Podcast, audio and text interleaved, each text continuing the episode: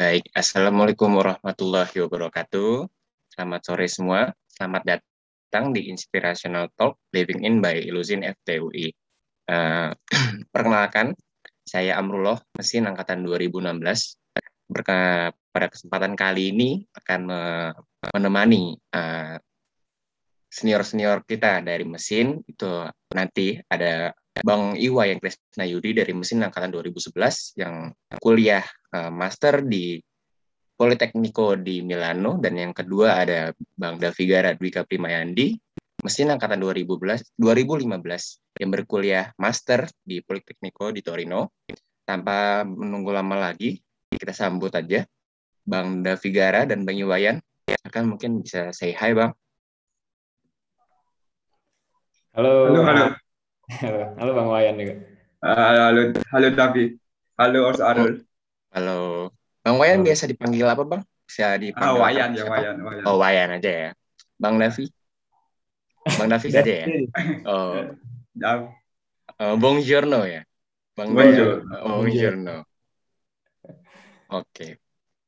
Nah, Bang, pada kesempatan kali ini ya, dari Lusin FTUI pingin tahu nih uh, cerita abang ketika abang mengambil S2 itu bagaimana di Italia nanti dan tahu saya juga abang dua pembicara kita ini juga sudah bekerja ya di Italia juga. Nah, kita juga mau tahu banyak dari pengalaman abang dan persiapan abang tuh nanti bagaimana sih nanti itu di pada sore hari ini. Nah, mungkin sebelum jauh ke sana, Bang, uh, saya mau tahu, Bang, uh, pengalaman abang dulu di kampus ya. Mungkin kita sedikit napak tilas ya. Mau tahu mau lebih dekat dengan Abang Davi dan Bang Wayan dulu bagaimana sih kehidupan di kampusnya ya. Mungkin bisa diceritakan ya Bang, 4 tahun di kampus itu dulu ngapain aja secara singkat.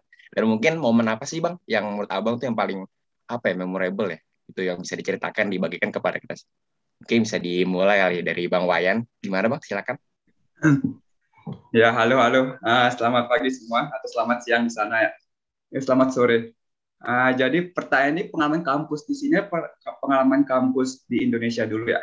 Di UI bang, gitu. Ah, kita di pengen UI, lebih, okay, kita okay, pengen tahu sih abang dulu ngapain. Oke oke oke oke oke. Kampus okay. aktif apa gitu bang? Oke gitu. oke okay, oke. Okay, okay. Jadi dulu saya angkatan mesin 2011, uh, lahir di Bali, besar di Bali ya. Jadi pertama kali merantau ya pas ke UI ke mesin. Jadi tahun per, saya orang yang sebenarnya dibilang aktif nggak terlalu, cuma nggak juga terlalu pasif. Jadi saya di tahun pertama sibuk ikut himpunan mahasiswa mesin, ikut pendidikan seperti biasa. Habis itu juga ikut di komunitas Bali atau komunitas Hindunya Bali. Setelah itu tahun ke aktif juga di basket. Saya senang basket. Ya senang senang nyoba nyoba hal baru lah. Setelah itu kuliah 4 tahun uh, peminatan konversi energi. Ya, uh, aktif juga di jadi asisten dosen. Sempat jadi asisten dosen di mata kuliah fisika dasar, sempat jadi asisten dosen di mata kuliah uh, apa yang namanya? Matematika teknik, matematika teknik, sempat juga jadi ya, asisten dosen di lab mekanika fluida, dan setelah itu ngambil skripsi sama Profesor Harinaldi, Pak Harinaldi, dan total kuliah 4 tahun. Jadi saya kuliah 4 tahun di, di mesin, kayak orang pada umumnya, dan setelah itu, jadi masuk 2011, tamat 2015. Uh, setelah itu berangkat lagi ke Italia tahun 2017 Maret. Jadi oh. sempat satu, satu tahun setengah itu ada masa periode saya persiapan, persiapan dokumen, sempat kerja juga di perusahaan swasta IPC di daerah Kelapa Gading. Uh, ya, sempat kerja satu tahun. Itu proyek yang di saya itu mayoritas supply buat uh, komponen buat pembangkit listrik eh sorry bukan pengen gas turbin gas turbin lebih detailnya dan mulai kuliah bulan Maret 2017 kuliah dua tahun di sini ambil jurusan power production sebentar Jadi, Bang ya, Wayan mungkin kejauhan Nah, nanti ada sesinya untuk yang bahas kita oh, ya, bahas nanti untuk jadi, abang di Italia ya. Ya mungkin singkat oh, ya, saja. Okay. Okay. Jadi gitu. jadi saya recap dikit. Jadi kuliah 2011 sampai 2015 dan aktifnya di himpunan mahasiswa mesin di jurusan di bidang pendidikan cuma cuma satu tahun doang. Setelah itu aktif juga di basket dan aktif di komunitas Hindu di di UI. Udah segitu. Oh baik, terima kasih Bang. Kalau bisa saya simpulkan, Abang nih ini ya, uh, kalau sekarang mungkin namanya Akpro Bang ya, untuk akademis ya, itu ya di, di IMM ya Bang ya, terutama. Oh oke, oke, oke. Uh, Ya, dan abang juga juga aktif sebagai asisten dosen, bang. Kebanyakan bang. Iya, ya, lumayan lah. Iya, itu bang. Terima kasih nih bang ya atas pengalaman. Uh, mungkin nih bang sedikit aja bang yang mem memori yang paling abang ingat tuh selama empat tahun kuliah di UI itu apa sih bang? Hmm, memori ya. Mungkin di tahun-tahun awal sih, tahun-tahun awal selalu. Tahun-tahun akhir, tahun-tahun awal ketika pertama kali ke Jakarta. Soal kan kembali lagi ke anak daerah, jadi ketika pertama kali ke Jakarta semua tuh hal baru orang-orangnya baru, budaya baru, budaya puasa itu dulu kan di, di Bali nggak terlalu ada puasa kan. Uh, itu budaya Lebaran banyak, banyak hal baru lah. Orang-orangnya juga beda. Ya, itu sih. Sama di oh. akhir juga soal kangen pas ketika perpisahan sama teman-teman angkatan itu agak sedih sih. Pas kapan bang? Jadi di tahun keempat, di tahun keempat ketika udah mulai pada uh, tamat dan pada uh -huh. memilih jalan masing-masing itu agak sedih. Oh, situ Bang ya. Oh, berarti uh, aku bisa tangkap Abang Bang ini ke Jakarta baru pada saat kuliah Bang ya? Ya, iya, iya. Oh iya, dan Abang juga momen sedih ya mungkin ya pada saat tahun terakhir dan sudah memutuskan yeah. jalan masing-masing untuk dia pangkatannya Bang. Terima kasih nih Bang Wayan nih. Iya, nah, mau tahu juga nih dari kalau dari Bang Davi gimana sih? Karena sesuai posternya Bang Davi ini sebagai pernah jadi ketua BEM ya. Apakah benar Bang? Boleh diceritakan aja Bang gimana cerita empat tahunnya kuliah?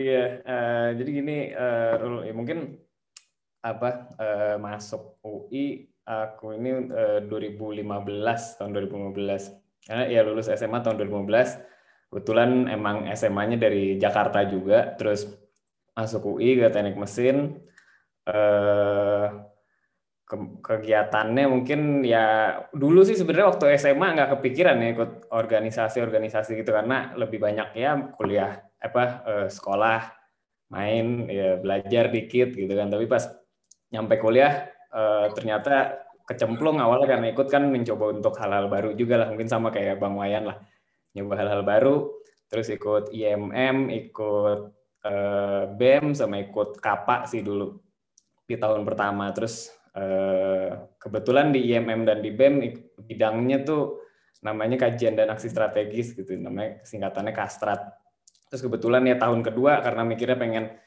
uh, mencoba untuk mendalami lagi gitulah uh, dan uh, udah udah ke, udah nyaman. Jadi coba cobalah untuk uh, untuk melanjutkan itu untuk jadi ya BPH lah di IMM kepala bidang kajian dan strategis di bidang yang sama.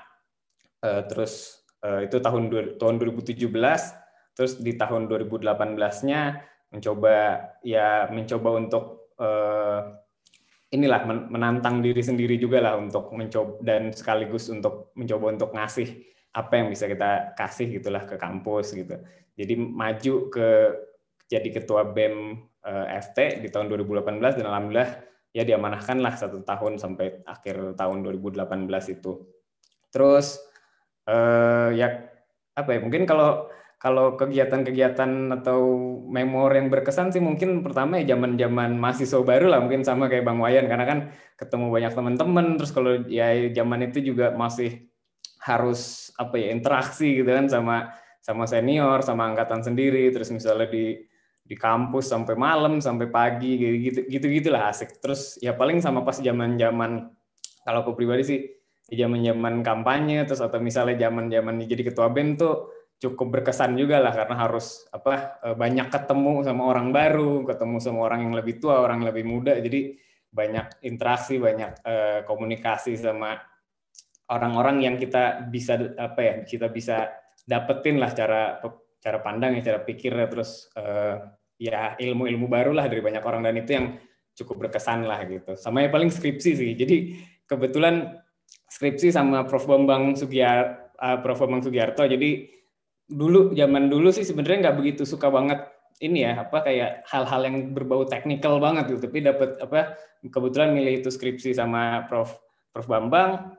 Terus eh, topiknya bioetanol terus ngu, ternyata nguli banget gitu. Jadi apa ya kerjaannya nguli banget dan kebetulan satu satu grupnya itu sama anak-anak SMV jadi belajar banyak banget lah. Ada namanya Reza sama Hardi. Jadi eh, aku tuh ternyata suka juga gitu. Jadi seru lah skripsi itu apa semester 8 berarti ya. Hampir ada pernah masa-masanya dua bulan mungkin bulan-bulan April sama Mei itu tiap hari ke labnya kebetulan di Lemigas di di Cipulir dan itu ini sih cukup intens dan akhirnya merasa ini juga gitu seru karena belajar banyak juga kan Naksem udah lebih udah lebih jago lah gitu ngulinya jadi ya asik lah ternyata apa dunia teknik tuh ngerasanya pas di skripsi ternyata oh asik juga nih gitu. Oh mantap nih Bang Davi nih ya. Ya jadi kalau dilihat-lihat Bang Davi ini ini ya kalau bisa dirangkum 4 tahun kuliah itu organisatoris mungkin ya bisa dilihat ya perjalanan dari dari BP sebagai KW Kastrat lalu lanjut sebagai ketua BEM dan tadi yang masa-masa apa masa-masa pemira ya dan tadi yang skripsinya tadi. Nah terus nih Bang, oke kan udah tahu nih udah tahu uh, perjalanan Abang tuh gimana empat tahun sebelumnya. Nah terus juga mau nanya nih uh, langsung aja ya langsung ke topik kita pada siang eh, sore hari ini. Abang ini kan S2 nih Bang, ngambil di Italia nih. Nah, pertama mau nanya sih Bang, kenapa sih kepikiran S2 gitu loh? Pertama, kenapa kepikiran S2 dan itu kenapa di luar? Dan kedua, dari sekian banyak negara di dunia ini nih Bang ya. Kan ada US segala macam benua berbagai benua. Itu kenapa sih terpilih Italia gitu? Dan mungkin dari turunannya Italia itu kenapa uh, terpilihlah Politecnico di Milano dan Politecnico di uh, di Torino? Gitu sih Bang. Kenapa sih? Mau tahu mau tahu sih bang gimana uh, apa sih konsiderasi abang mengambil S2 terus juga kenapa milih Itali kenapa milih Politecnico? Boleh diceritakan mungkin ya bang. Ke, mungkin sekarang dari bang Davi mau tahu gimana sih bang? Keren bang Wayan dulu. Iya paling ini sih jadi kalau uh, ya biar mungkin biar lebih santai izin gua aja ya uh, Rol oke. Okay. santai bang kan gitu juga biasa lah di kampus. Udah udah jadi uh, kalau gue pribadi sih emang dari zaman mungkin dari zaman kecil ya nggak tahu kenapa punya mimpi untuk kayak bisa sekolah di luar lah gitu. Maksudnya kayak tinggal di luar terus emang mimpi aja gitu dulu. Kayaknya kayaknya kalau nonton film tuh oh kayaknya asik nih tinggal di luar gitu. Apalagi kalau masih sekolah gitu kan. Jadi masih banyak bergaul masih banyak apa eh, kenal sana sini sama teman-teman baru gitu. Terus uh, ya akhirnya ya maksudnya untuk S1 kan kita coba dulu lah untuk ya di Indonesia dulu kan. Orang tua juga uh, pengennya kita di Indonesia dulu. Terus baru akhirnya untuk S2 karena sampai umur masih lulus S1 dan masih punya keinginan untuk tinggal di luar uh, ya mencobalah gitu. Dan makanya uh, cepet agak cepet juga sih maksudnya kan. Karena kemarin lulus 2019 uh, kuliahnya ya alhamdulillah 4 tahun gitu. Terus lulus 2019 sempat kerja sebentar lah maksudnya satu ya kurang lebih satu setengah tahun lah gitu.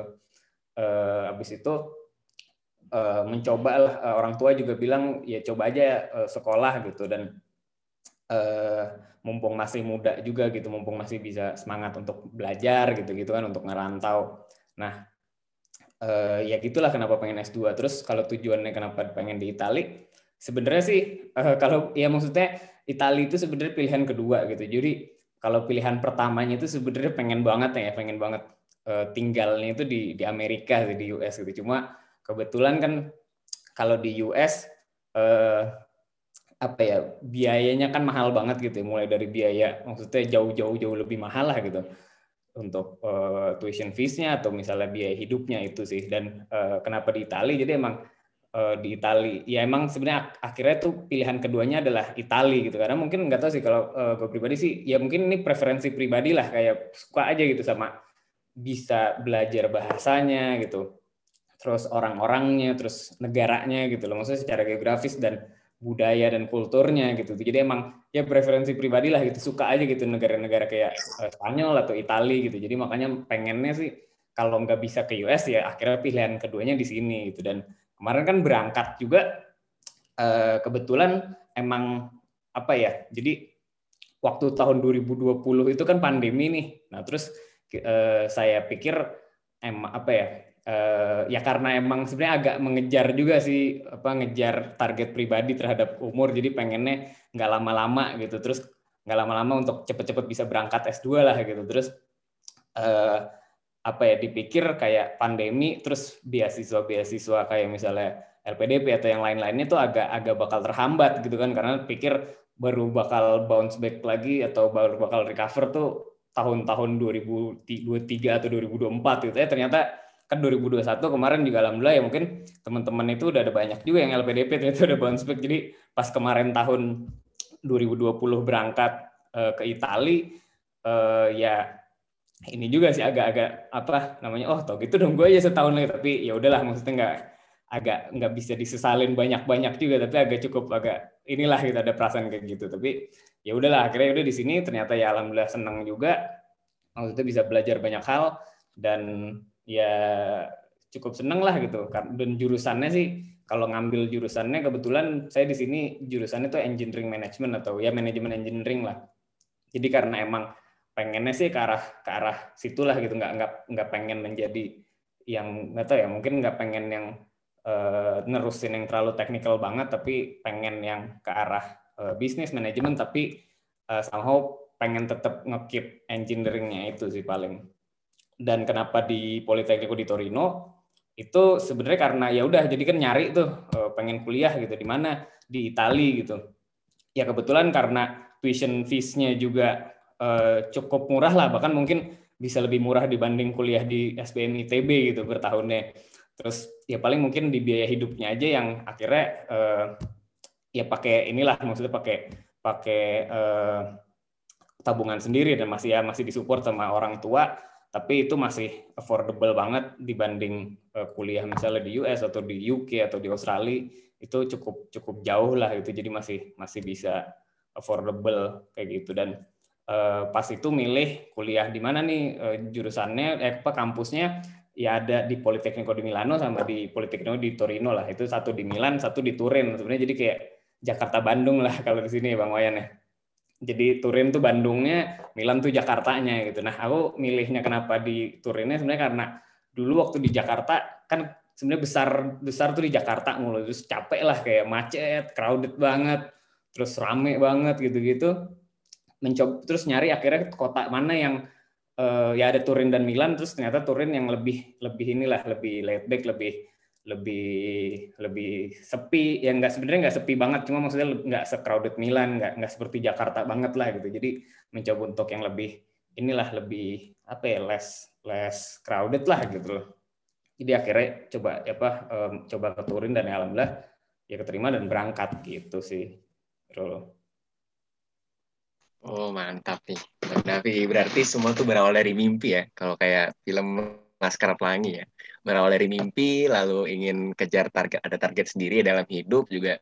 Ya diwujudkannya di negeri Italia ya. Dan yeah. mengambil jurusan e, engineering management.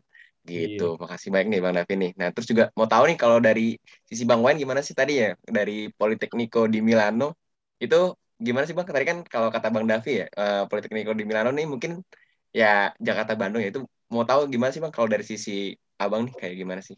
Gitu. Oke nah, oke. Okay, okay. Jadi kalau sisi aku ya, pertama ngomongin alasan. Alasan kenapa sih ngeplay di Italia? Jadi eh, kenapa sih ngeplay di luar negeri dulu ya? Jadi dulu tuh memang awal pasti dari mimpi, awal dari pingin. Cuma gini, ketika waktu masih kecil, aku melihat orang bisa kuliah di luar negeri, tinggal di luar negeri itu kayak jauh banget. Cuma ketika masuk UI, banyak ketemu senior-senior yang udah benar-benar kuliah di luar negeri. Jadi waktu masuk UI lah, waktu masuk UI itu masa di mana aku tuh terinspirasi beneran buat kuliah di luar negeri. Nah itu jadi alasannya tuh mimpi sama kayak si Davi dan juga yang kedua tuh penasaran. Soal dulu aku juga dari kecil kan tinggal di Bali, jadi udah sering banget lihat bule lah. Dan penasarannya sih gimana mereka hidup di sana penasaran. Jadi dua alasan itu aja simpel banget. Nah habis itu ketika uh, tahun ketiga tahun keempat ketika aku udah ngeset ngeset target untuk kuliah di luar negeri aku penasaran tuh negara mana yang mau dikunjungi mau di negara mana sih negara tujuan. Eropa Amerika atau Australia. Nah dulu Australia mungkin nggak terlalu tarik atau Singapura gara-gara terlalu dekat. Jadi kasar aku mikirnya dulu ah terlalu dekat takutnya kurang lebih yang didapat kurang loh pengalaman yang didapat jadi pilihannya antara Amerika atau Eropa. Amerika masalahnya ya kayak yang dibilang Davi itu harga cukup lumayan jadi ujung-ujungnya ke, ke Eropa. Ya waktu itu aku yang pingin banget kuliah di Eropa kan. Setelah itu ngeplay lah berapa kampus. Jadi bukan cuma polimi doang yang aku play jadi ngeplay berapa kampus salah satu polimi. Dan ketika hasilnya keluar beberapa keterima beberapa enggak cuma masalahnya ketika yang keterima itu yang keterima cuma polimi yang dengan beasiswa. Sisa itu tanpa beasiswa. Jadi ujung-ujungnya pilih polimi Politeknik Milano. Gitu. Sesimpel itu ya alasannya. Oh. udah itu Makasih Bang. Uh, bang tadi uh, jurusannya apa Bang? Di Ah, ju oke, okay. jurusanku energi production. Jadi itu kayak oh. hmm, pembangkit daya kurang lebih lah. Oh, energi pembangkit daya. Jadi oh, kenapa ngambil jurusan hmm. ya alasan kenapa ngambil jurusan itu ya simpel karena memang tertarik aja. Jadi kalau Davi memang tertarik di sisi non teknis, kalau aku justru tertarik di hal yang lebih teknis. Jadi maka waktu itu makin makin detail makin tertarik. Aku makin katanya orang itu uh teknis banget, banyak hitungan, banyak yang teori justru aku makin tertarik. Oh iya, asli nih Bang Wayan tadi ya. Udah sama ya, berarti sama kayak Bang Davi berawal dari mimpi, lalu ingin sama ya, baik Bang Wayan dan Bang Davi juga ingin uh, merasakan hidup di luar ya, dan tidak dekat ya seperti uh, Singapura atau uh, Australia ya, dan yeah. tidak memilih Eropa, uh, tidak memilih US karena ya sama-sama mungkin sama, kita sama-sama tahu dengan tuition fees atau living cost-nya yang sangat tinggi. Nah, Eropa mungkin sebagai jalan tengahnya gitu kali ya Bang Davi dan yeah Bang Wayan ya kalau aku bisa simpulkan. Nah, benar, terus benar. jadi melanjutkan dari uh, pertanyaan aku tadi Bang mengenai dari Bang Wayan Bang Davi itu kan uh, Bang Wayan ini mengambil akara teknis nih Bang ya. Nah, Bang Wayan ini sudah sudah selesai Bang ya. Kalau nggak salah ya kuliahnya ya. Uh, uh, udah udah. Jadi hmm. aku udah selesai dari April 2019. Jadi oh, April 2019. April 2019. Ya. Pendidikan dua tahun. Hmm. Sekarang kebetulan kerja masih di Italia. Oh iya, di Itali. Nah, terus juga Bang Davi juga Bang Davi belum lulus ya kalau nggak salah ya Bang Davi ya?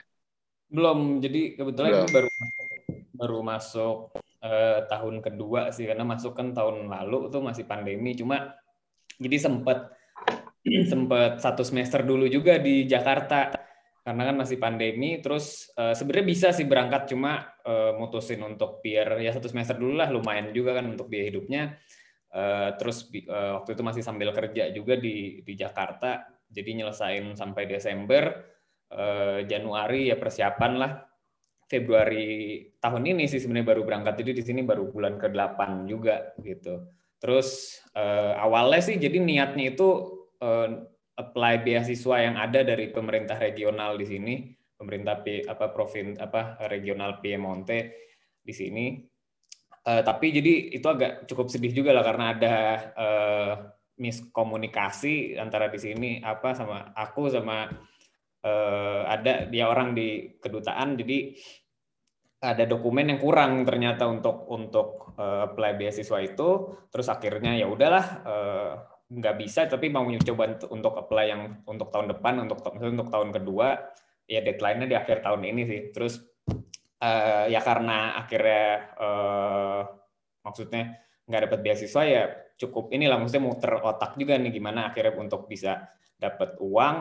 Uh, ya coba uh, akhirnya kemarin coba-coba sih nyari nyari kerja juga internship atau di sini atau kemarin juga sempat nyari kerja yang pokoknya intinya yang bisa remote lah kalau di luar Italia kayak gitu.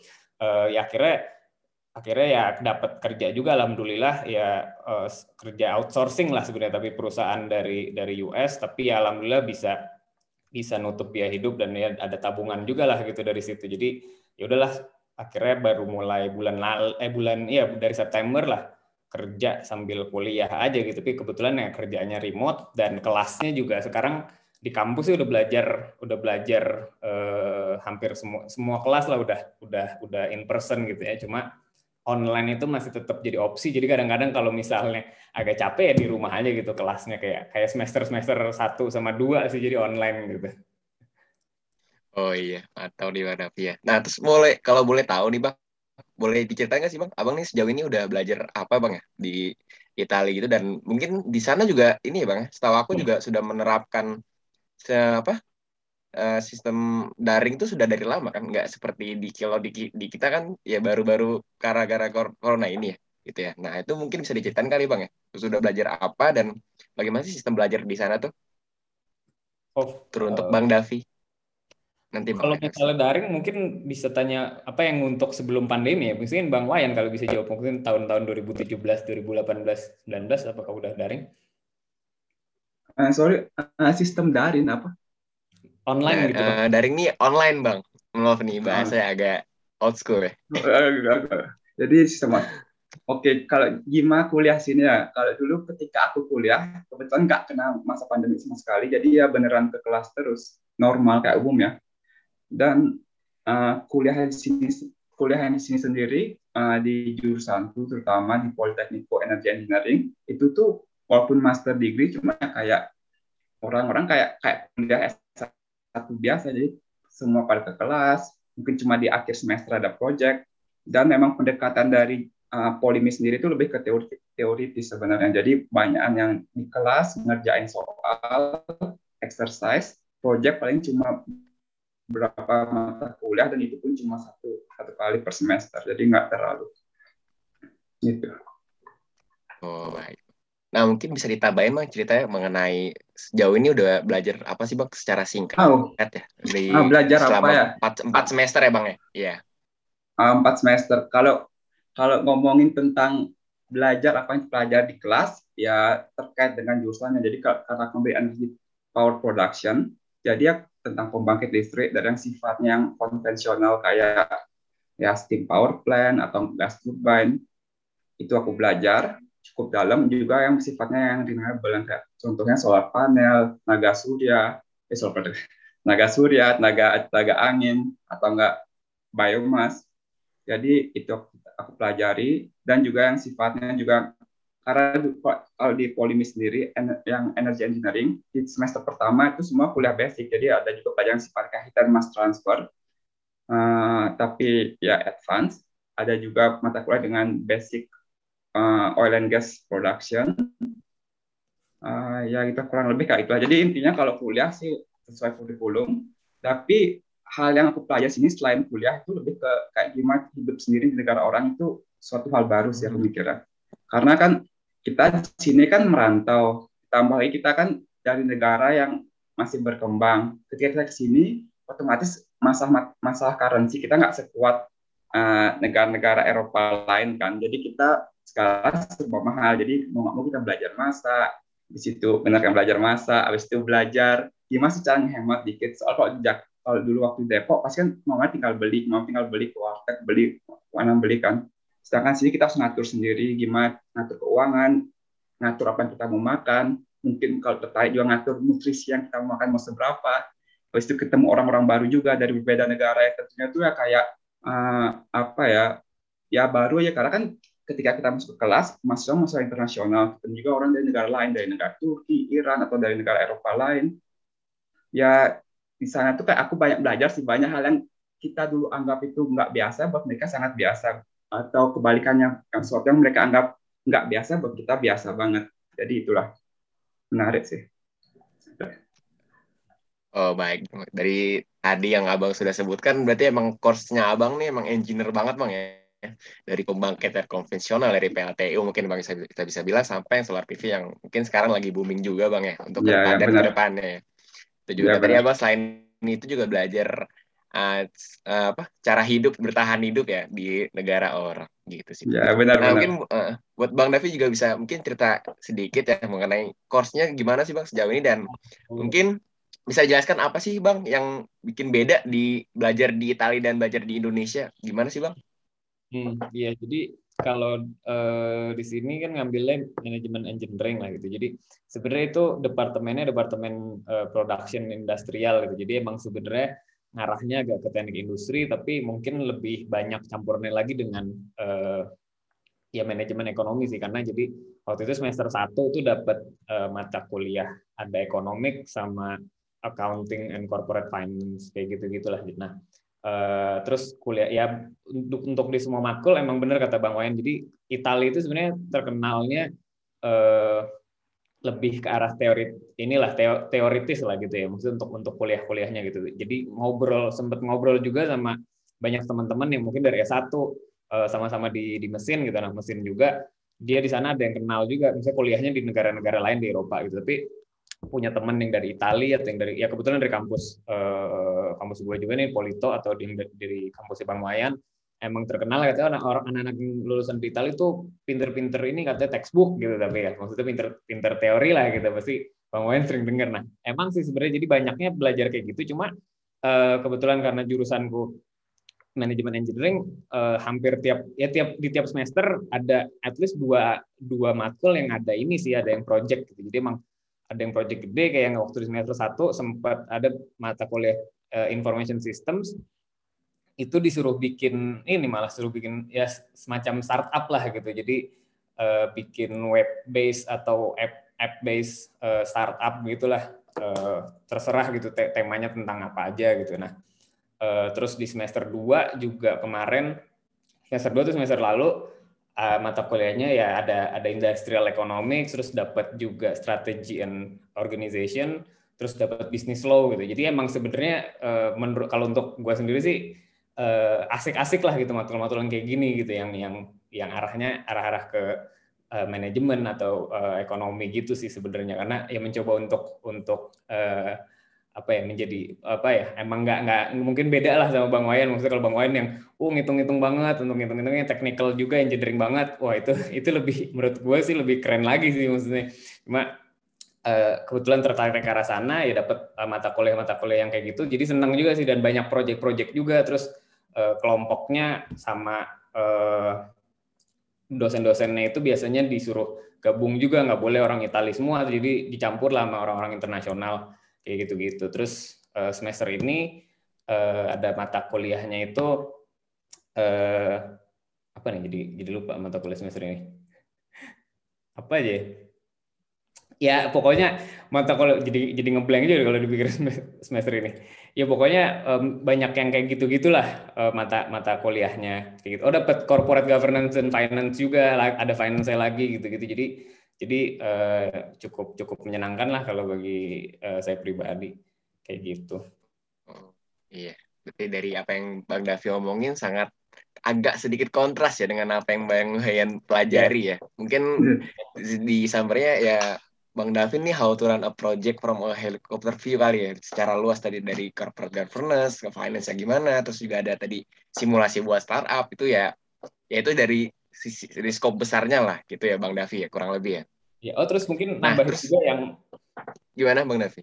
Hmm. Iya nambahin mungkin yang uh, masalah hidup di Italia sih emang eh, tadi yang Bang Wayan sempat singgung juga emang emang kalau uh, eh, gue sendiri sih karena ini kan pertama kali ngerantau juga ya jadi kalau dulu kan cuma dari Jakarta ke Depok deket lah ngerantau kalau Bang Wayan kan jauh juga tuh dari dari Bali ke ke Depok lah ke Jakarta gitu itu cukup hey, jauh kalau ini gue juga pertama kali sih untuk tinggal di Itali emang banyak sih hal-hal yang uh, yang beda gitu secara budaya apalagi uh, misalnya kenal sama orang dari banyak negara atau atau misalnya negara orang orang sini gitu. Jadi kalau gue sih dulu kebetulan pertama datang ke sini tinggal di uh, tinggalnya sendiri kebetulan waktu tiga bulan pertama karena masih agak cukup skeptis lah sama covid gitu kan. Kalau kenal sama apa tinggal sama orang yang gak kenal gitu. Jadi tinggal sendiri tiga bulan doang sih itu sendiri. Tapi cukup ngerasa agak sepi juga tuh karena kan datang-datang sendiri negara orang terus budayanya baru tapi jadi banyak ini sih asiknya jadi banyak ngerasa refleksi gitu kan. Tiap hari kadang-kadang suka lari pagi atau jalan ke jalan-jalan lah gitu. Maksudnya ngelihat ini apa ngelihat pemandangan taman atau ada kebetulan dekat rumah ada ada po atau sungai lah bahasanya. Jadi banyak refleksi diri terus abis itu tiga bulan ngerasa bosan abis itu gue cari tempat tinggal yang pengen nih kenal sama orang Italia. Akhirnya nyari di internet eh, pindah lah ke Eh, tempat tinggal yang bareng-bareng satu flat gitu uh, orang Itali semua kebetulan. Terus ya uh, ya akhirnya suasana baru lagi. Terus untuk apa ya harus harus banyak adapt juga sih. Karena ya itulah yang kata Bang Wayan banyak apa yang menurut kita biasa bagi mereka nggak biasa dan begitu juga sebaliknya gitu. Apalagi masalah makanan gitu. Kalau itu gue sadar tuh kita tuh makanan kan kayak orang Indonesia pasti banyaknya goreng-gorengan gitu kan. Jadi tiap makanan digoreng telur digoreng apa ayam digoreng. Kalau di sana kalau orang sini ternyata nggak banyak goreng-gorengan jadi agak-agak ini juga tuh tiap masak gitu kan kayaknya. Kayaknya harus harus adapt juga nih kalau nggak kalau nggak agak gengsi juga masakan goreng-goreng karena dia bilang juga oh goreng-goreng semua gini ya. Jadi kayak terus dipikir-pikir bener juga sih kayaknya makanya orang orang-orang Italia itu umur panjang-panjang karena makanannya kalau gue perhatiin sih cukup sehat. Kadang-kadang mereka cuma makan salad aja udah dihitung makan siang. Kalau kita kan kalau nggak kena nasi kan belum dihitung makan kan hitungannya. Jadi ya gitulah. Jadi akhirnya uh, tapi banyak bisa banyak hal yang bisa kita ambil juga maksudnya kita bandingkan kita ambil hal-hal yang bagus ya. Salah satunya sih kayak gaya hidup gitu-gitu menurut gua cukup worth it untuk uh, diterapkan lah saat untuk diri kita sendiri kayak gitu sih.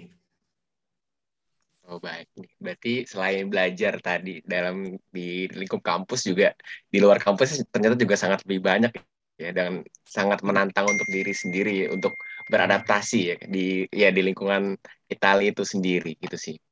Nah terus mau nanya nih uh, buat uh, quick question aja buat abang uh, bang Davi dan bang Wayan uh, secara jawab singkat dan jelaskan secara singkat aja menurut abang nih tadi kan dari Bang Wayan mengatakan kalau kita masih negara berkembang. Kalau dari Bang Davi juga mengatakan orang-orang situ orang-orang Italia itu terkenal dengan textbooknya.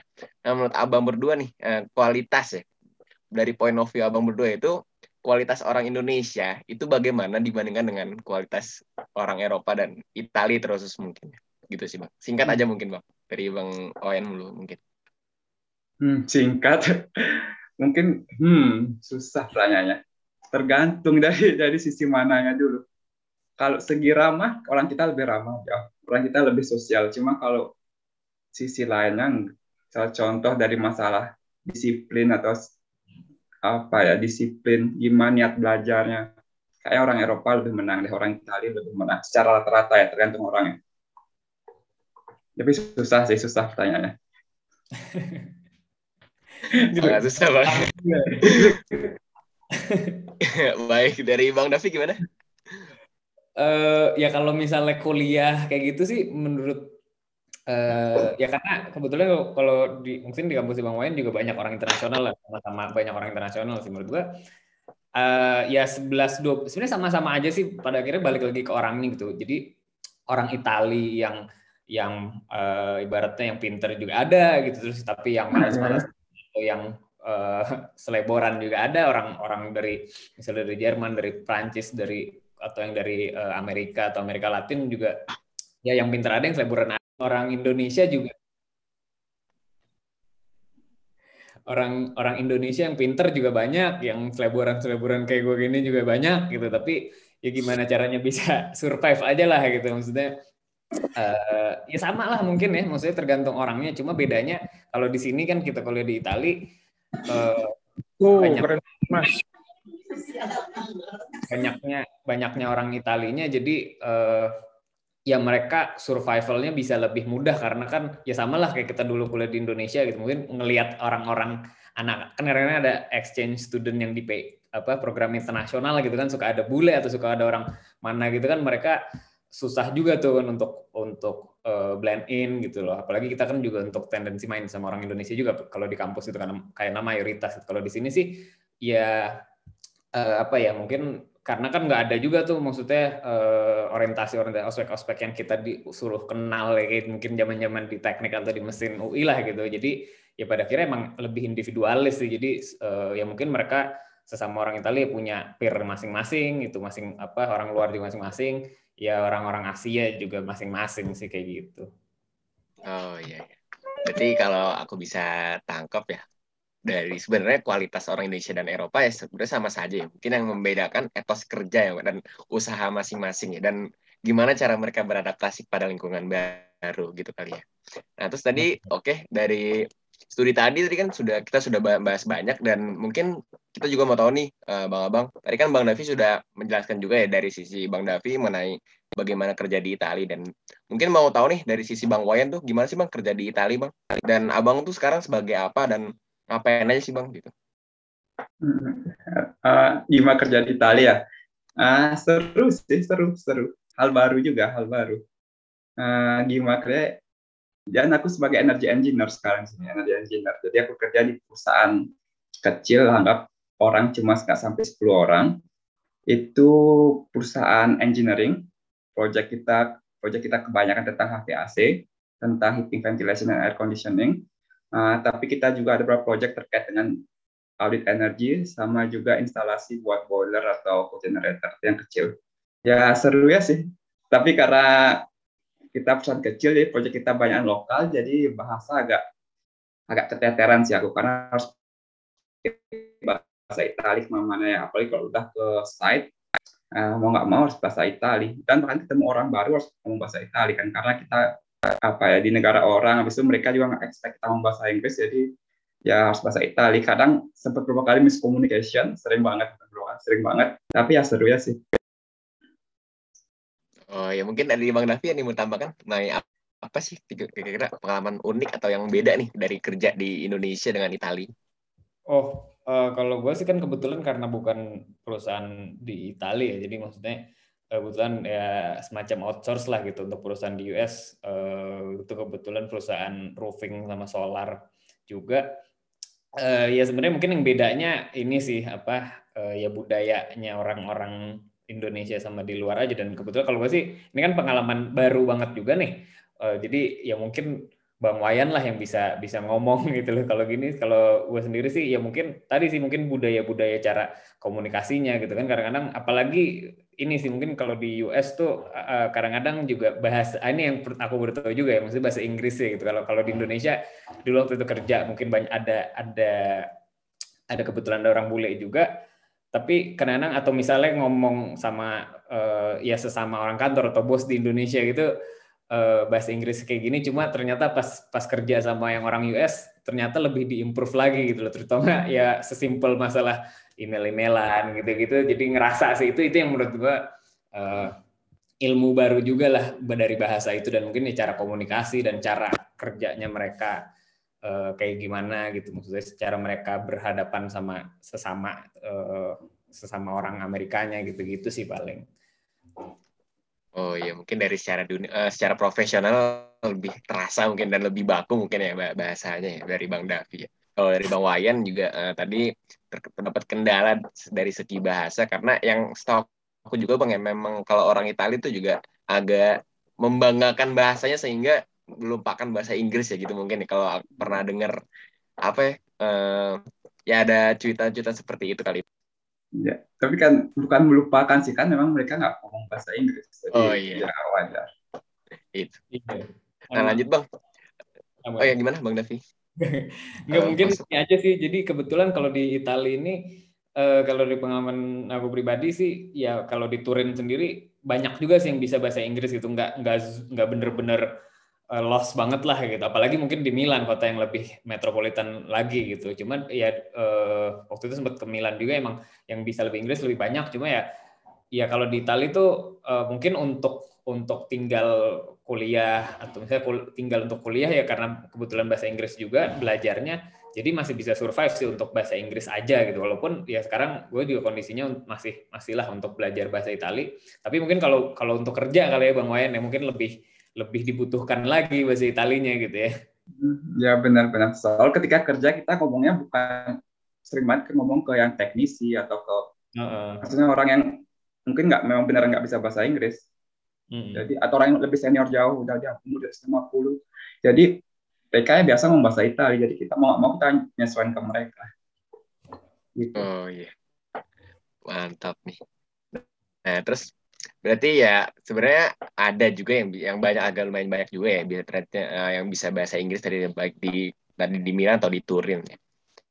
Oke, juga sudah banyak nih bang. Tadi membahas mengenai dari studi, dari kerja. Nah, mau tahu juga nih bang ya, nggak uh, kurang cocok rasanya kalau nggak ngomong masalah hidup di Italia ini.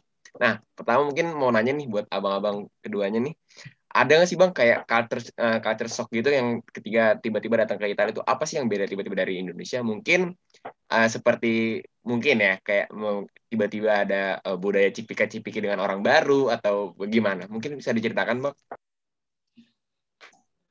siapa duluan bang Wayan deh monggo bang aduh budaya uh.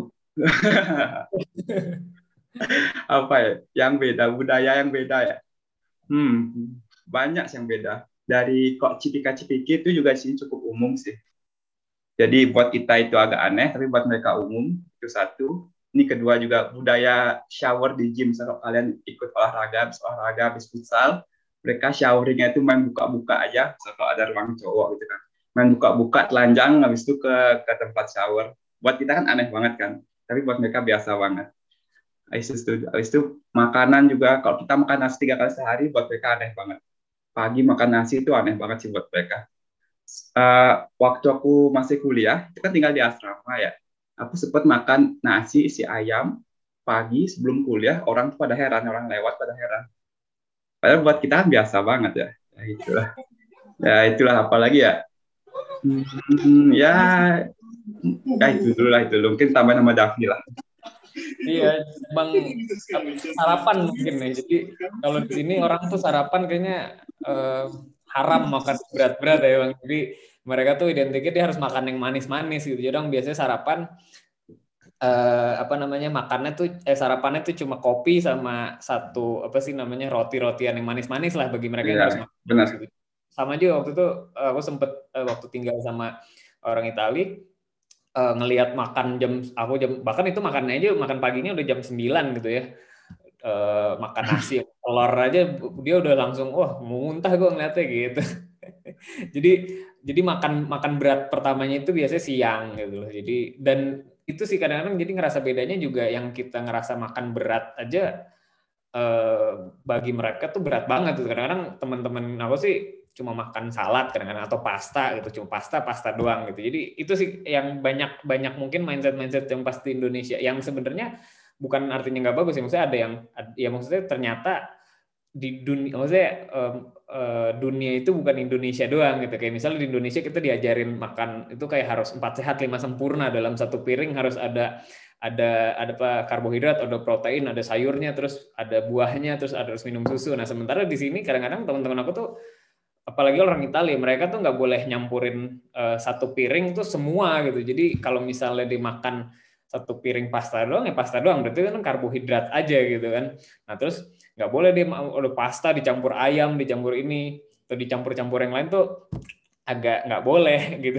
Bukan agak nggak boleh malah sebenarnya nggak boleh gitu. Jadi orang Italia itu agak agak strict lah kalau masalah-masalah uh, makanan. Karena kan dia kulturnya mungkin kuatnya tuh di situ gitu. Terus uh, ya misal kalau misalnya hal-hal lain menurut gue menurut aku sih justru orang Italia agak mirip-mirip sama Indonesia juga sih. Masalah agak uh, batu-batunya terus uh, apa ya uh, apa berisik-berisiknya terus kayak misalnya apa orang-orangnya rusuh-rusuhnya sama lah mungkin kayak orang-orang Indonesia kayak apa supporter bolanya gitu-gitu. Mirip-mirip juga sih terus agak selebor-seleborannya gitu. Jadi bukan kalau yang Jerman kan lebih kayak atau Jer orang Jerman sama orang Jepang kita tahu lah pasti kan lebih lebih strict terhadap waktu lebih ini kalau orang Italia itu agak-agak mirip orang Indonesia juga sih sebenarnya.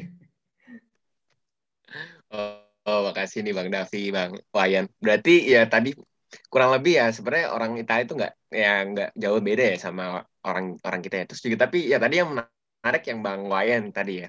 Yang pertama yang tadi yang benar yang saya saya bilang juga yang tentang cipika-cipiki yang dengan orang baru kali Bang ya. Terus yang kedua tuh yang menarik juga yang going apa? Going shower together Bang. Apa sih tadi? Shower ya, itu shower yang sama-sama. Iya, iya shower sama. Itu kan ya ibaratnya kita kan Aneh kalau- banget ya. itu di kita kan ya melihat ibarat nggak usah ibarat nggak usah telanjang mel- melihat buka celana aja udah agak aneh gitu loh mereka itu ya sangat menarik sih untuk di Italia kali ya nah terus juga dan, dan juga ini ya mengenai makanan ya karena Italia juga terkenal makanan ya seperti pasta pizza itu ya mungkin sudah banyak tahu kita juga itu juga ya sangat ya sangat aneh mungkin kalau dibanding kita juga di kita ya mereka mungkin nggak bisa kalau masuk kayak kondangan itu ya, makan prasmanan nggak bisa Hmm. berarti ya. kalau mengambil menu lebih dari satu itu mungkin nggak bisa ya itu menarik banget sih bang di sana ya nah terus juga mau nanya nih bang ya tadi kan udah udah sedikit banyak cerita juga ya eh, mengenai eh, gi- gimana hidup di sana terus juga mau tahu bang kira-kira kalau living cost di sana gimana sih bang kalau baik di Milan maupun di Turin mungkin bisa dijelaskan bang dan apa Hmm. saja sih kok kebutuhannya buat living cost itu Milan dulu, Turin dulu nih. Milan, Milan dulu. dulu mungkin dari ibu kota Milan, ya. Milan. Uh, kalau di Milan biaya besar pastilah uh, biaya sewa apartemen. Karena ya, biaya sewa, sewa apartemen itu kisaran kalau misal tinggal di apartemen yang share di satu kamar berdua itu sekitar 450 euro, 400 sampai 500 euro. Kalau di tergantung lokasi juga tergantung lokasi, tergantung bangunan, tergantung kualitas, tergantung besarnya. Cuma sekitaran segitu 400 sampai 500 euro atau kalau di rupiahin sekitar berapa ya berarti 8 sampai 9 juta lah. 8 atau 9 eh sorry 7 atau 8 juta per bulan. Itu buat biaya tempat tinggal, habis itu biaya besar kedua ya biaya makan, biaya makan. Kalau aku pengalaman aku sih makan nggak sampai lebih dari 200 euro ya waktu zaman kuliah karena masak sendiri. Jadi 150 bahkan kadang nggak nyampe kadang. Jadi sekitar biaya makan sekitar 2 atau sampai 3 juta per bulan. Setelah itu ya biaya minor sih yang kayak biaya tiket kereta itu kan ntar bakal subscribe per bulan. Itu paling biaya kalau di Milan cuma 20 sekian euro ya. Berarti sekitar 300 ribu per bulan. Biaya internet juga minor cuma 15 euro. Kurang bahkan tergantung provider. Berarti sekitar 200 ribu per bulan. Setelah itu paling asuransi juga. Asuransi mau buat izin tinggal itu biaya per tahun sifatnya berarti setahunnya itu sekitar 100 asuransi 150 euro. 150 euro berarti sekitar 2 juta per tahun dan mungkin izin tinggal sekitar 2 juta per tahun juga. Jadi kurang lebih mungkin berapa ya? Per bulan menurutku sih 800 600 euro total ya. Berarti sekitar 11 12 juta per bulan mungkin. Tapi itu udah cukup kok untuk buat mahasiswa. Itu. Dari Bang Levi gimana? Ya kalau di Turin sih emang sebenarnya lebih murah ya. Jadi dibanding Milan mungkin ya bisa sekitar 20% lebih murah lah gitu mulai dari apartemen apalagi ya. Jadi kalau apartemen kebetulan sekarang tuh tinggalnya karena uh, orang Indonesia yang berangkat ke sini tahun ini cukup banyak jadi sempat apa uh, ngontak-kontak lah anak-anak Indonesia. Jadi tinggal bareng di sini uh, baru juga sih baru baru sebulan di sini. Ini ini tuh harganya sekitar mungkin kita ini euronya dulu ya euronya dulu itu sekitar 300 300 euro. Tapi bel, uh, belum sama listrik belum wifi gas dan lain-lainnya. Jadi 300 tuh baru apartemen sama mungkin air sama biaya kondominium lah kalau di sini. Tapi ya mungkin sebulan bisa 350 atau 330 tergantung pemakaian uh, listrik kita. Itu lah segitu. Mungkin taruhlah misal 350 terus kalau misalnya makanan itu kebetulan gue belajarnya mingguan mungkin seminggu bisa belanja 20 eh, sampai 30 euro lah. Ya misalnya let's say 30 euro kalau misalnya untuk mau yang hidup yang agak enak gitu loh. 30 euro tapi itu udah udah maksudnya udah termasuk belanja mingguan. Ada beras, ada sayur, terus beli telur, daging ayam, daging sapi segitu gitulah. 30 euro kali kali 4 berarti kan sebulan 120 eh, tambah 120 tambah tadi 350 berarti 470 ya. Terus ya paling biaya gym atau misalnya uh, kalau kemarin sih sekarang udah stop sih. Kemarin sempat gym misalnya itu 30 euro sebulan. Terus misalnya tambah uh, biaya uh, naik bus kereta tram gitu subscription per bulannya 25 di sini. Tapi kebetulan gue nggak nggak yang subscribe gituan karena punya sepeda juga. Dan sepeda pun juga harganya beli second gitu bisa nyari di internet lah. Oleh harga sepeda sekitar 50 euro atau ya 800 ribuan lah. Segitu. Terus ya paling kalau misalnya uh, jalan makan di luar uh, tiap minggu gitu ya mungkin uh, ya seminggu sekali kali ya.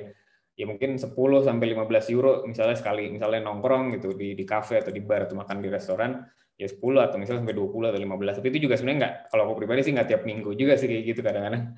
Agak apa lebih banyak makan di rumah aja. Terus kalau misalnya keluar ya untuk keluar aja gitu jalan-jalan makannya tetap di rumah ya paling kalau di Turin sih bisa per bulan itu sekitar 500 eh, atau 550 sampai 600. Ya 500 lah mungkin paling murahnya 500 sampai 550 kalau cuma untuk makan eh, apartemen sama ya biaya jajan-jajan gitu aja sih 550 eh, kali kali ya kalau dirupiahin ya mungkin sama-sama lah ke sekitar sekitar 10 juta atau 12 juta gitu.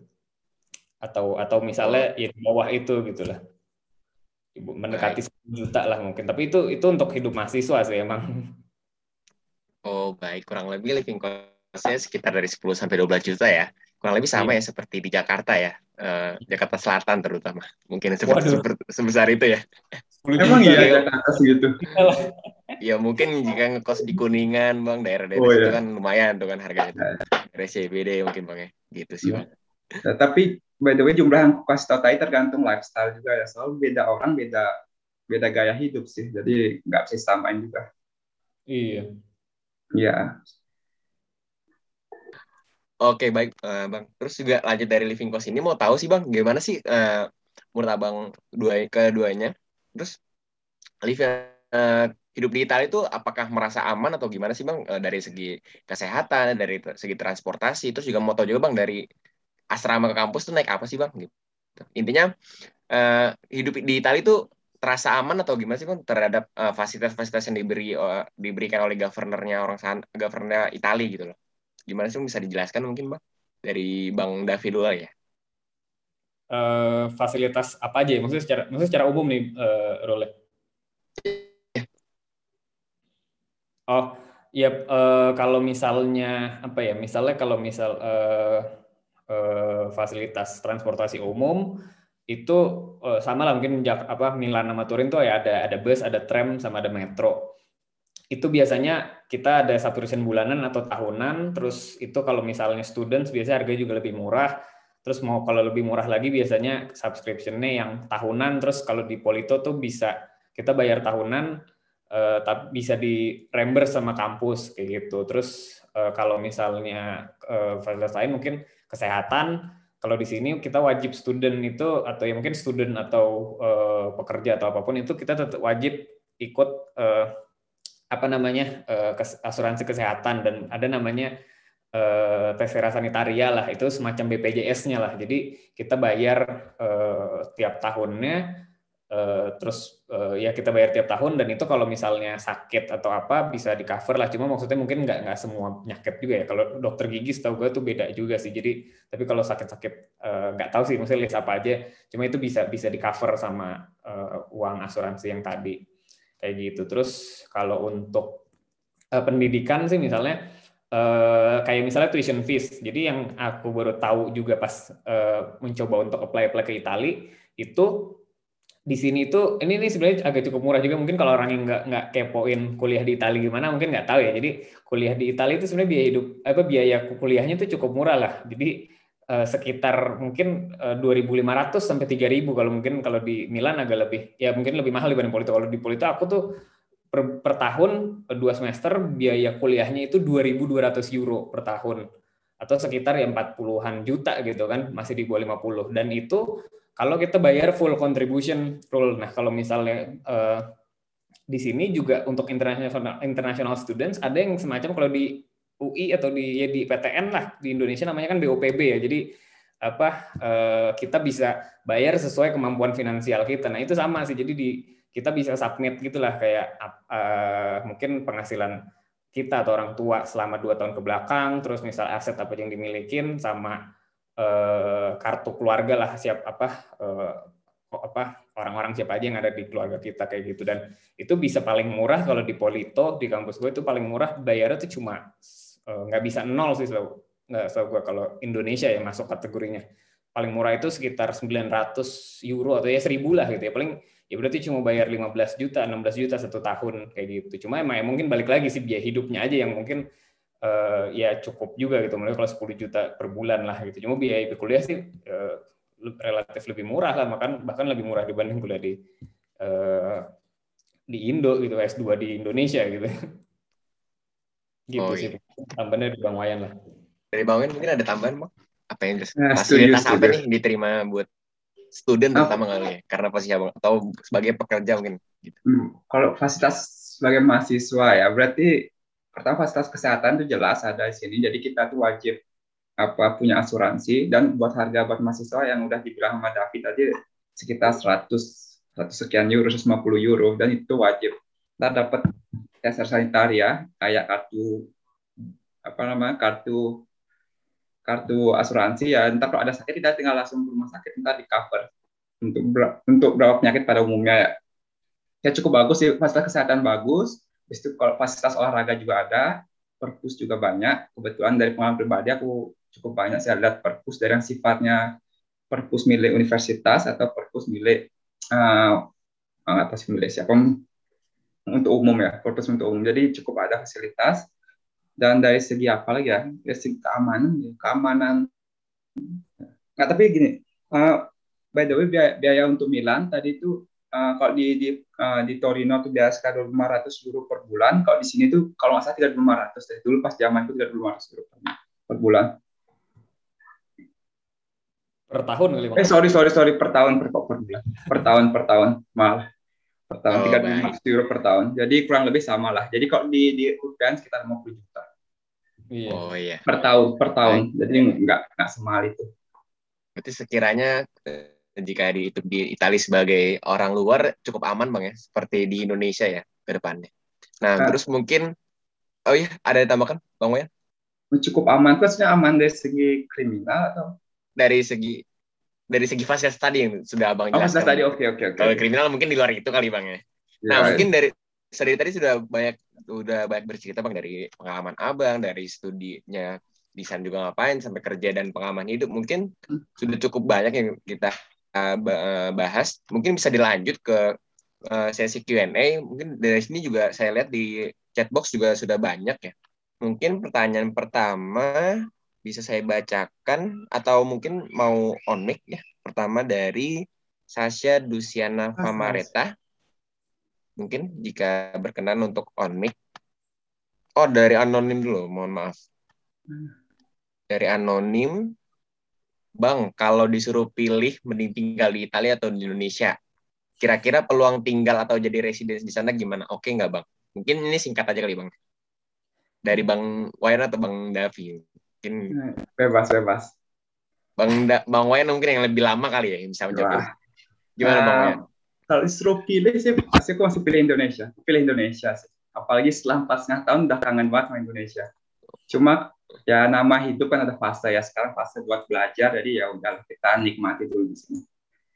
Pertanyaan pertama, pertanyaan kedua, kira-kira peluang tinggal di sana. Oh, semua peluang ada kok. Jadi di sini kan ketika kita kuliah, kita dapat izin tinggal dua, selama periode kuliah. Dan anggap kita kuliah dua tahun, dapat izin tinggal dua tahun. Setelah tamat kuliah, kita dapat izin tinggal ekstra satu tahun buat nyari kerja. Jadi kita dapat ekstra satu tahun lagi. Kalau di dalam periode itu kita dapat kerja, kita bisa ganti lagi izin tinggal, izin tinggal kerja. Dan kalau kita udah pernah tinggal sini selama lima tahun, setelah itu kita bisa apply buat yang permanent residence. Eh, perman. Nama sih permanent resident cuma harus diperbarui tiap lima tahun, sepuluh tahun, apa tahu, lupa. Jadi ya gitu. Jadi kalau peluang buat tinggal, anda betah sih bisa-bisa aja. Apalagi kalau ada alasan buat tinggal ya. Kalau nggak ada alasan mungkin bakal susah. Cuma kalau ada alasannya kayak kerja atau kuliah, gampang banget. Oh, mungkin visible bang ya untuk mendapatkan permanent residence tadi ya. Ya, ya Lanjut bang. Ya, pertanyaan dari Sasha Luciana Famareta.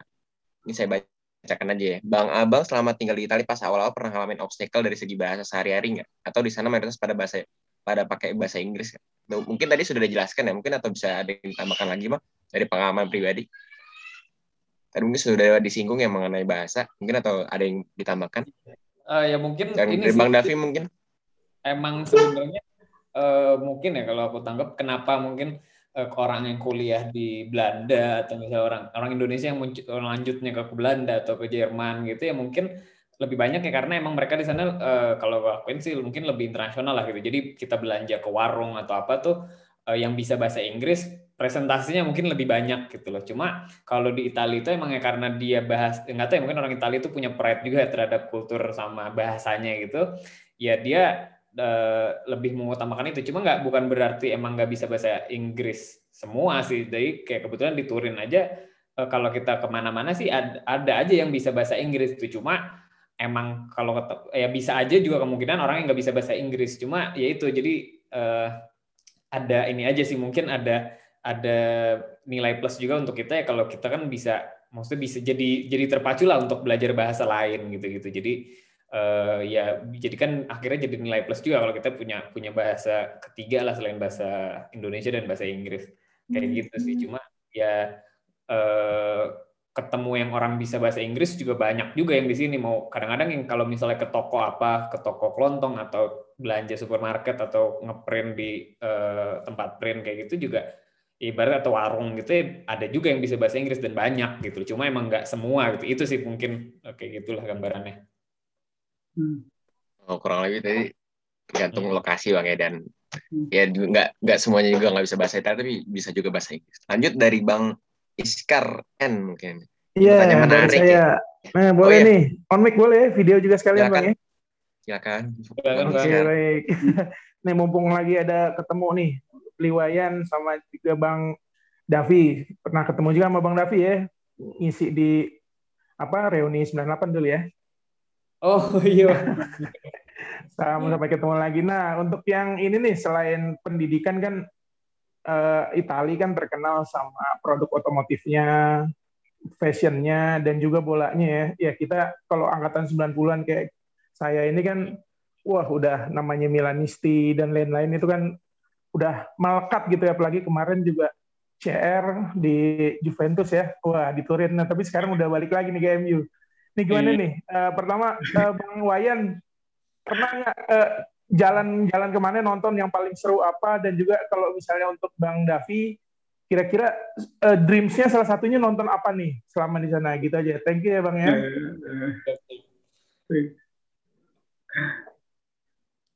Oh, Bang Wayan dulu apa? Oke, oke, oke. Ah, bebas, bebas. Ya, eh, aku dulu deh mungkin ya. Jadi kalau misalnya nonton sih kebetulan belum pernah ya karena nggak tahu ya mungkin eh, belum ini aja sih belum. Maksudnya alokasi biayanya kayaknya masih untuk ke yang halal lebih penting dulu ya. Bilang Sadik nih, Bang Sadik, Bang Sadik, ada yang bilang biaya nih. Waduh. tapi tapi ini sih tapi ya nargetin lah maksudnya eh, nanti dua tahun at least at least ya satu tahun nih bang Iskar ya maksudnya satu, Iya. satu dua tahun at least sekali lah nonton Juventus sama Italia di sini cuma ya mungkin nunggu matchnya aja yang seru ya cuma Oh belum iya, tahu iya.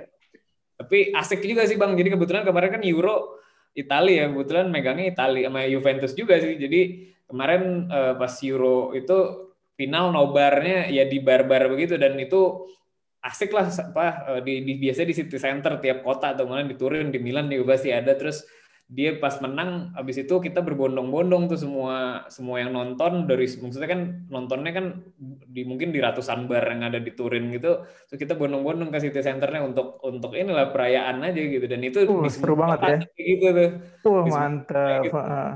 Asik gue Sama udah foto di apa Lamborghini atau Ferrari udah banyak ya, udah sering ya? belum bang belum. Oh belum ya? Belum. Kalau Bang Wayan gimana Bang Wayan? Oh, oh, kalau kalau saya sih sebenarnya kalau ngomongin Serie A nonton nonton bola dulu sempat berapa kali waktu sebelum pandemik tentunya sempat Hmm. nonton putar kayak Milan lawan Arsenal itu berarti kayaknya apa Euro- European League sih. Nah, Hmm. sempat sekali habis itu ada pertandingan Serie A cuma nggak ingat apa dua kali doang setelah itu pandemik sayang jadi nggak tahu saya nonton cuma ya saya setuju kalau di Italia itu orang passionate banget kok ngomongin bola jadi ketika misalnya ada pertandingan bola nih weekend itu tuh stasiun yang ke arah ke stasiun San Siro jadi kan ada metro line yang ke arah San Siro tuh bakal padat Hmm. banget jadi kita Oh, bisa tahu ya. eh, kalau ada pertandingan Milan tuh dari sana kalau udah tiba-tiba orang udah banyak ngambil kereta itu udah pasti ada pertandingan seru gitu Udah Jadi menarik banget. Pas model gitu ya? Iya, iya, iya, benar, benar, benar, benar ya. banget. Dan Oh, mereka- iya. Mereka di stadion juga heboh banget ya, seru banget sih. Iya, iya. Gitu. Sama satu lagi kalau ngomongin Formula One juga saya cukup tertarik. Soal kebetulan sekarang saya tinggal di Monza, kalau tahu tuh dekat sirkuit Hmm, Formula Monza ya. 1. Ya, Yo, yo, yo. jadi itu juga seru juga ketika kemarin sempat yang yang Grand Prix Monza ya rame juga. Wak.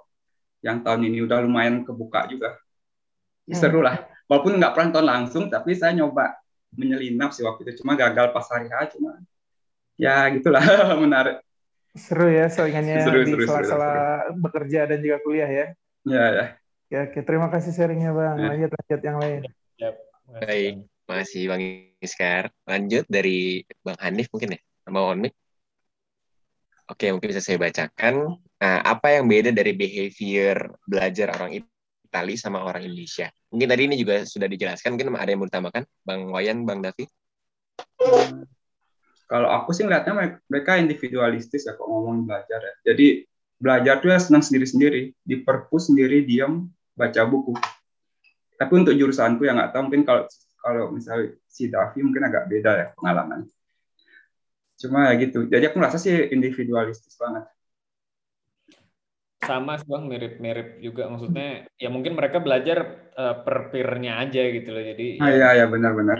masing-masing lah gitu apalagi mungkin yang sesama orang Italia ya sama lah mungkin kayak kita di Indonesia kan juga pasti tetap punya peer-nya masing-masing juga gitu. Walaupun tapi kalau di Indonesia kita di UI kan eh, mau nanya apa lebih lebih gampang juga sih untuk yang secara komunalnya ya gitu. Cuma kalau di sini ya mungkin peer-nya masing-masing aja. Tapi eh, ya tapi nggak menutup kemungkinan secara yang besar. Kalau misalnya satu angkatan di sini gitu ya saling nanya di grup juga biasanya aku eh, kayak gitu juga sih. Jadi di grup-grup angkatan gitu ya misalnya pas mau exam exam season gitu ya nanya aja di grup kayak soal ini kerjain ntar ada biasa yang bantuin walaupun kita nggak kenal itu siapa cuma kadang-kadang dibantuin juga sih di grup gitu sih paling Baik nih.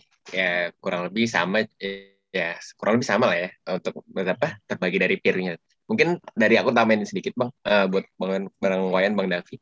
Orang Italia atau orang Europe tuh nyontek nggak sih? Iya atau tidak? Udah itu aja. Mungkin iya atau tidak aja, Bang, mungkin. Kalau pengalaman pribadi nggak sebanyak waktu di UI sih. Cuma ada, ada aja makanya tadi yang aku bilang ada, juga ada.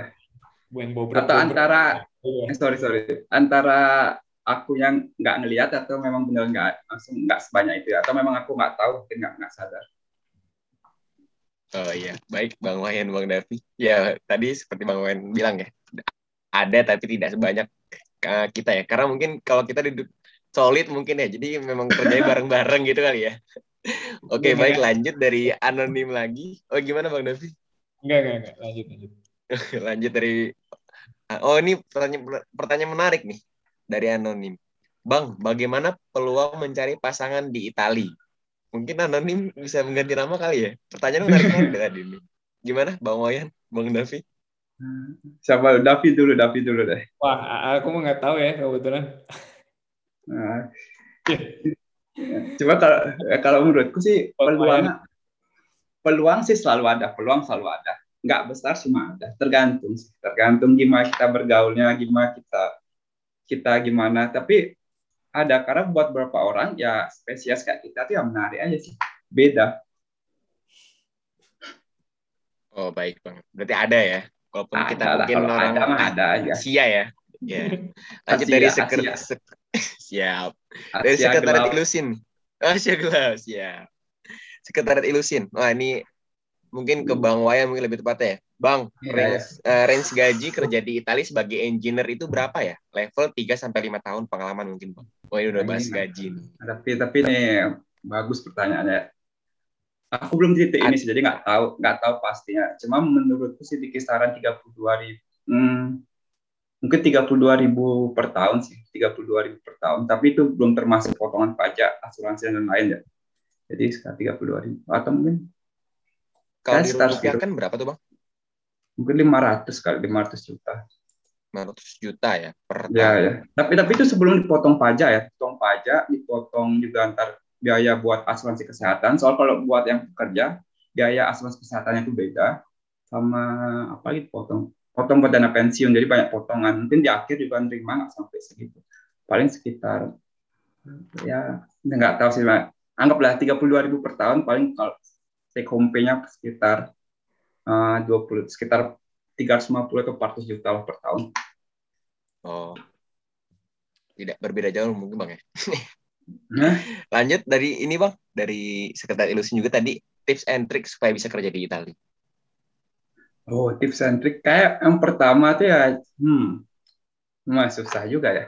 Tips and trick kerja di Italia kalau misalnya untuk kalau sudah misalnya kuliah sini sih lebih besar kemungkinan buat kerja di Italia tapi kalau misalnya dari Indo langsung kerja, mungkin harus tergantung perusahaannya ya, tergantung juga tergantung perusahaannya banget sih. Tapi kayak satu tips tuh harus bisa bahasa Italia sih wajib banget. Soal kan kembali karena mereka ngomong bahasa Italia, jadi wajib bisa bahasa Italia.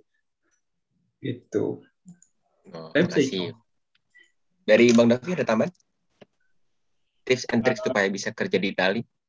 Ya mungkin uh, aku juga planningnya sih sebenarnya pengen pengen bisa lanjut ya either di Italia atau mungkin di Eropa lah maksudnya tergantung bahasa juga kan kita ngelihatnya tahun depan ah udah gimana udah sih gimana mungkin bahasanya udah jago Bang Wayan apa belum nih enggak enggak aku, aku nggak jago kayak kayak bayi ngomong bahasa Italia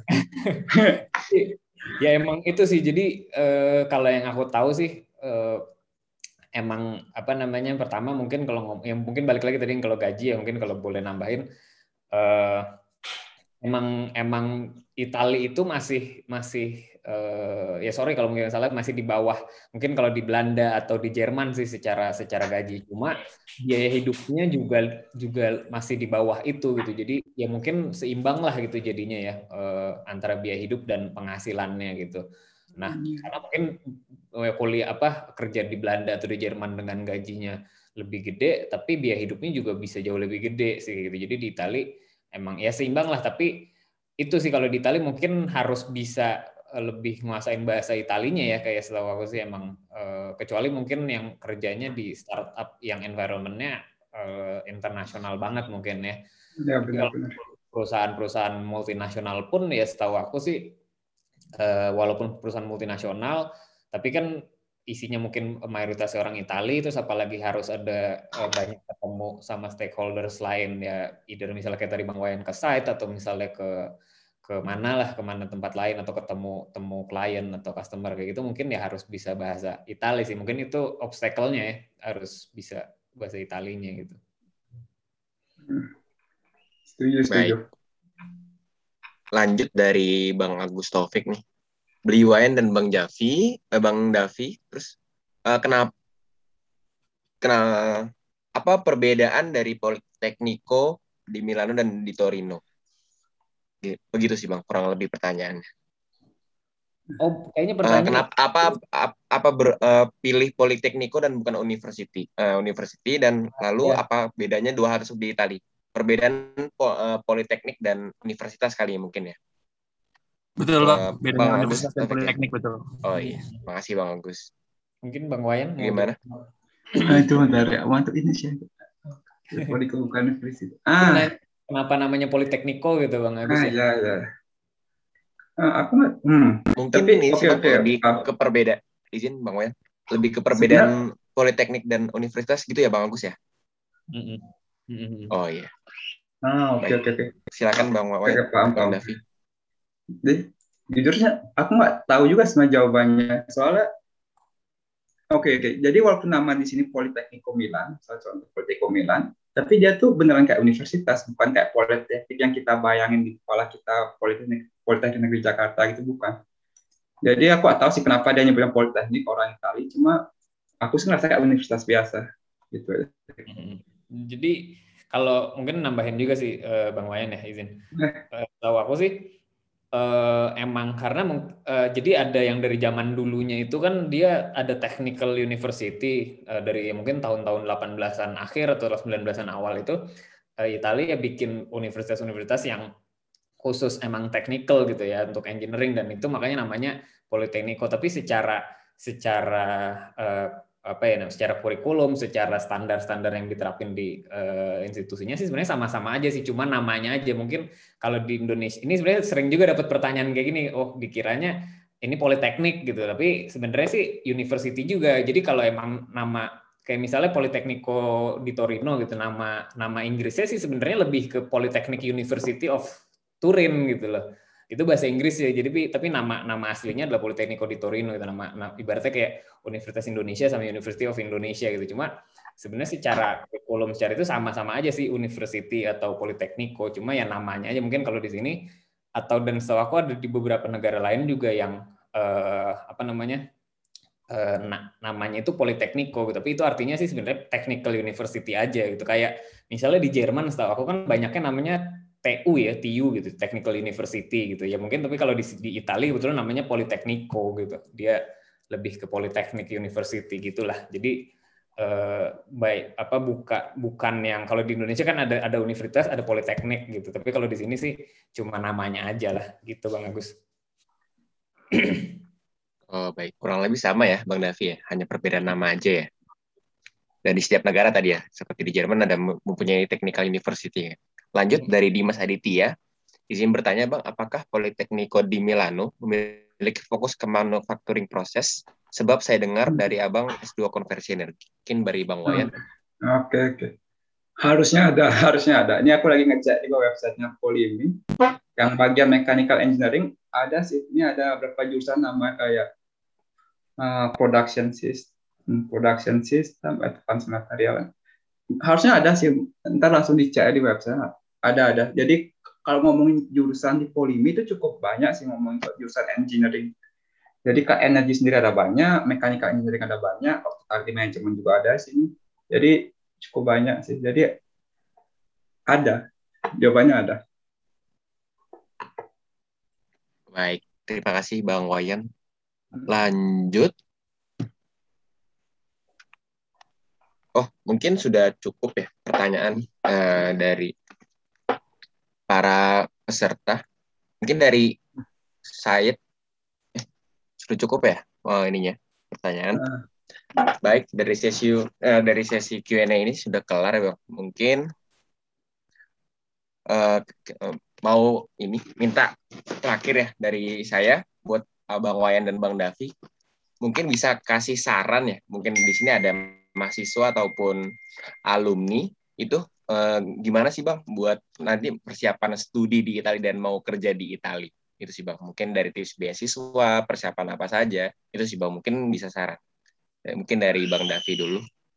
Dan bisa ditambahkan dari bang Wayan oke uh, ya mungkin sebenarnya kalau untuk kuliah di Italia uh, atau ya mungkin di mana pun lah ya, uh, kalau aku sih ngerasa mungkin banyak-banyak cari tahu sih karena sebelum mungkin ya pas zaman kuliah juga nggak kepikiran untuk untuk apa maksudnya uh, bisa tiba-tiba oh tahun 2020 kemarin bisa ke masuk kuliah mulai kuliah di Italia cuma ya tadi ternyata setelah uh, banyak cari-cari tahu hal banyak juga yang kebuka. Kayak misalnya pertama kali itu aku ya emang pengen S2 terus cari pertama jurusan apa sih gitu kan. Terus pertama jurusan apa terus negara. Jadi ke shortlistnya tuh berdasarkan kayak gitu gitu. Terus eh, pengennya apa engineering management oke okay, gitu di mana yang ada negara ini negara ini ini, ini. terus dari situ kan di shortlist lah oh, pengennya mungkin kalau di US cuma di US nggak possible saat itu karena mikirnya uh, beasiswa yang tadi nggak nggak bisa gitu. Akhirnya yang yang yang visible yang lebih uh, realistis di mana? Di Itali gitu. Karena ya oke masuk juga karena suka juga sama negara karena preferensi pribadi bahasa atau kultur dan lain-lainnya. Terus dari situ uh, ternyata uh, kampus mana aja itu apa yang yang ada engineering manajemennya. Akhirnya kita tahu ada di sini di sini sini Politecnico di Milano ada, di Politecnico di Torino ada. Terus preferensi mana yang suka akhirnya milih Turin dan ternyata akhirnya kan tahu tuh kayak uh, tadi misalnya ada ada semacam yang fee reduction yang kayak BOPB-nya terus ada beasiswa-beasiswa yang ternyata bisa kita apply pas kita di sini terus jadi banyak hal-hal yang ternyata emang uh, kita nggak ketahuin sih saat kita baru tahu tuh saat kita mencoba untuk ngegali lagi sih. Jadi mungkin ya sarannya uh, bisa mencoba untuk gali-gali terus aja gitu loh. Mungkin ya tanya-tanya alumni-alumni terus misalnya Google-Google sendiri kayak gitu. Jadi uh, nanti banyaklah hal-hal yang kita temuin untuk bisa uh, ngebukain jalannya gitu maksudnya secara pengetahuan atau ilmunya lah untuk kalau mau sekolah di sini gitu ya mungkin uh, kalau misalnya mau ke Italia ya uh, aku bilang sih bisa ya nilai plusnya adalah bisa belajar bahasa lain selain bahasa Italia dan kalau menurut aku sih bahasa Italia cukup cukup keren lah ya kalau bisa. Apalagi bisa fluent gitu lah bisa bisa ngomong bahasa Italia ya. Menjadi nilai plus juga lah untuk kita kita membuka jalan lagi. Yang aku yakin juga untuk uh, mungkin kalau udah udah kerja profesional uh, maksudnya kerja profesional dan di atas lima tahun itu bisa lebih lebih membukakan jalan lagi lah. Itu sih paling. Mungkin bisa ditambahkan Bang Wayan, mungkin bisa ditambahkan ini Bang Wayan dari segi persiapan berapa lama? Itu sih Bang. Dan dan hal yang lebih detail lagi mungkin. yang belum hmm. disebut Bang Davi. Tapi Silakan, semua udah cukup sih. Uh, aku setuju banget yang ngomongin Davi. Kunci itu gigih nyari info tuh harus gigih aja. Soal pas aku ke sini juga banyak ketemu orang yang ternyata pakai beasiswa yang aku gak pernah dengar bahkan. Dan ya gitu intinya kuncinya gigih bukan apa ya selama zaman sekarang semua informasi udah ada di internet maksudnya kayak jurusan apa yang kita pingin beasiswa-beasiswa apa yang tersedia syaratnya apa ada dan juga biasa sih selalu ada orang yang udah pernah dapat sebelumnya. Jadi bisa juga tanya orangnya langsung bisa lihat internet. Gigih sih kuncinya gigih. Baik kalau kalau bisa disimpulkan tadi kalau dari Bang David pertama tentukan dulu ya tujuan studi atau mau apa mau topik ambil subjek apa. Lalu kita shortlist dari uh, universitas yang mana aja dan negara mana saja. Mungkin itu bang ya. Dan nanti yang terakhir jangan lupa ya gigih gitu juga ya. Karena mungkin hmm. yang saya tahu juga zaman sekarang sudah banyak ya uh, perusahaan-perusahaan uh, di sedang banyak share uh, info di Instagram mengenai beasiswa beasiswa dan memang sudah ada ya perusahaannya itu sendiri ya mungkin tidak bisa mungkin ya sudah pada kita semua sudah pada tahu ya di sini banyak perusahaan yang memprovide informasi tentang hal itu. Mungkin berakhirnya dari Bang tadi bisa saya simpulkan untuk uh, perbincangan kita sore ini tadi dari mulai dari pengalaman singkatnya uh, abang-abang di kuliah 4 tahun di UI lalu lanjut di studi studi di sana gimana dan bagi berbagai macam uh, huru haranya di sana dan lalu kerja di Italia bagaimana dan tidak lepas juga dari bagaimana cara hidup kita dan segala macam. Mungkin sebelum saya tutup untuk sesi kali ini kita uh, saya adakan untuk sesi foto ya dipersilakan untuk para peserta untuk menyalakan kameranya dan membuat pose terbaiknya mungkin. Baik, abas-abas dari saya, mungkin silakan bisa open kameranya.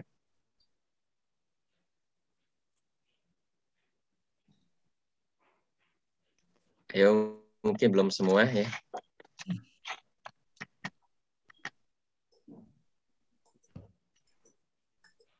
Ayo biar semua terrecord ya dari sesi sore ini.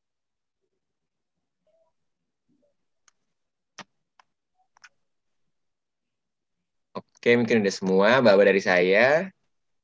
5, 4, 3, 2, 1, cheese.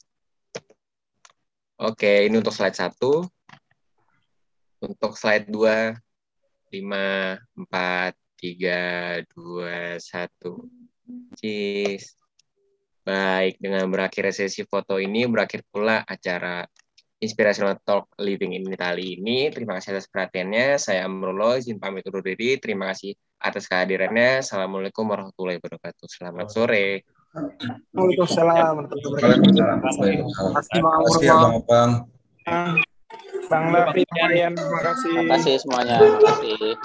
Terima kasih Bang Terima kasih. terima kasih semua ya. Terima kasih. Terima kasih Bang Wayan, Mbak Virga. Kasih. Terima kasih Arul, terima kasih Davi. Terima. Ya, makasih.